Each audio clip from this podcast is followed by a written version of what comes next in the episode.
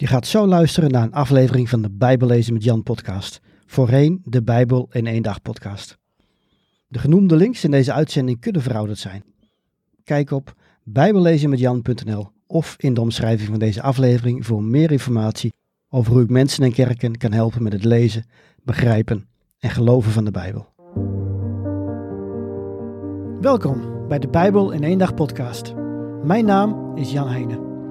Ik ben auteur van het boek De Bijbel in één dag. Ik geloof dat de Bijbel Gods woord is en dat we allemaal deel uitmaken van zijn verhaal. De Bijbel is ook een vreemd boek soms. Ik help christenen de Bijbel te lezen, te begrijpen en te geloven.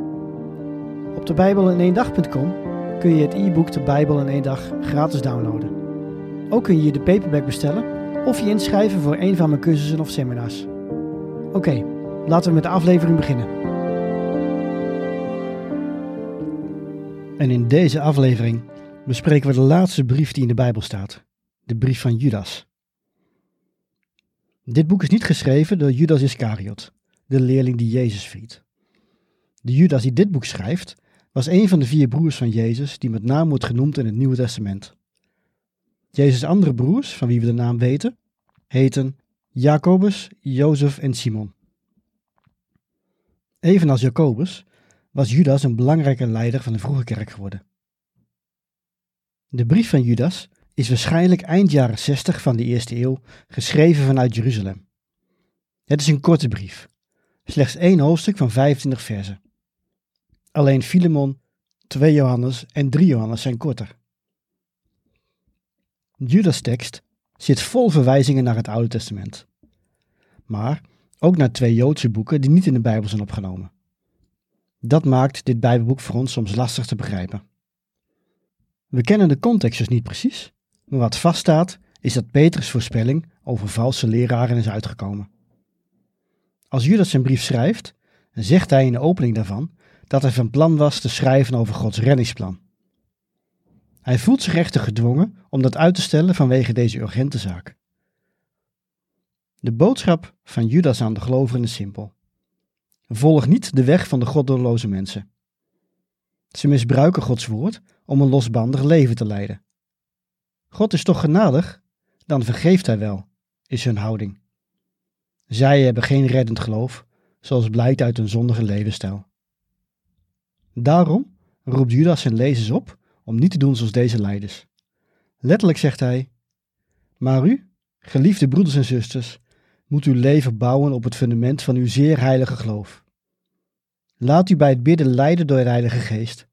Houd vast aan Gods liefde en zie uit naar de barmhartigheid van onze Heer Jezus Christus, die u het eeuwige leven zal schenken. Ontferm u over wie twijfelen en red anderen door hen aan het vuur te ontrukken.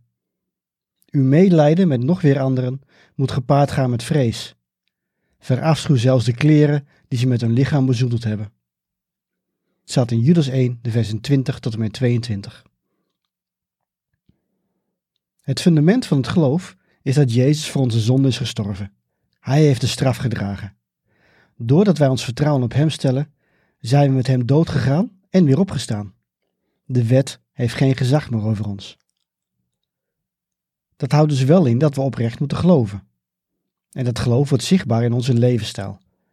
Als we bij Jezus horen, zijn we ons bewust van de zonde en willen we steeds meer op Hem gaan lijken. Judas waarschuwt de christenen voor de mensen die zeggen te geloven, maar daar in de praktijk niets van laten zien. Vertrouw op God en laat Hem je leven leiden, concludeert Judas.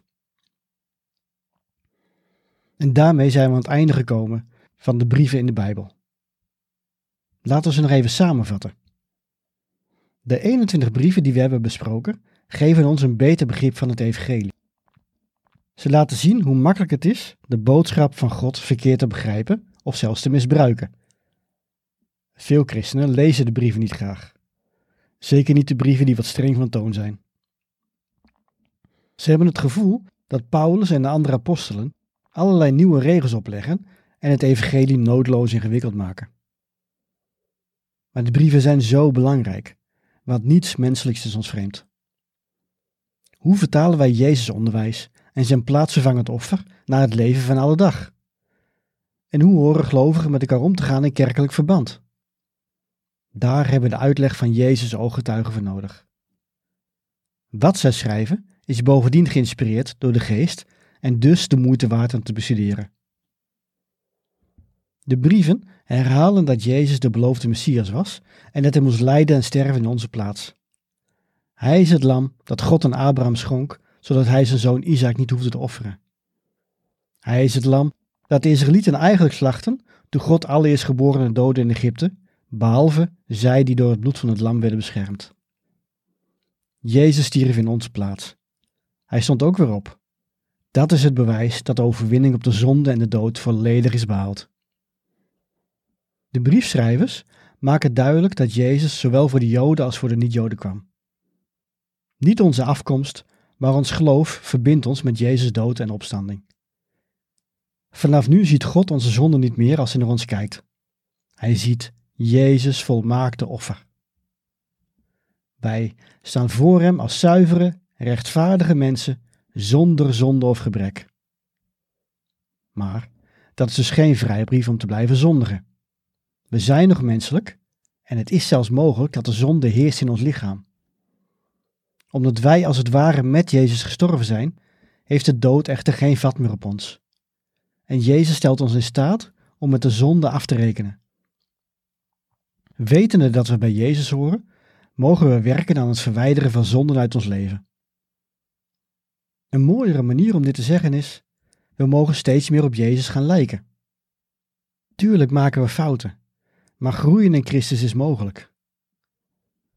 Laat je echter geen nieuwe regels en wetten opleggen.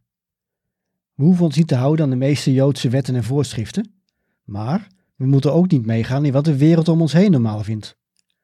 Dien geen afgoden, pleeg geen overspel, stil niet. Dit zijn nog steeds belangrijke principes. De liefde voor Jezus, de liefde voor elkaar en de liefde voor jezelf zijn de bouwstenen van een leven dat gericht is op God. Het huwelijk is hier een mooi voorbeeld van. De ideale man en de ideale vrouw hebben elkaar lief en dienen elkaar. De een heerst niet over de ander. Als wij burgers van Gods koninkrijk zijn en leven zoals God dat wil, kan dat twee effecten hebben. Enerzijds komen mensen tot geloof, anderzijds leidt dit tot onbegrip, tegenstand en zelfs vervolging. Als dat gebeurt, wees dan blij. Ook Jezus werd vervolgd. Tegenstand test je geloof en zuivert het. Houd daarom vol en sta sterk in het geloof. Vroeg of laat komt Jezus terug en dan zul je voor altijd bij hem zijn. Tot zover dus de brieven in het Nieuwe Testament.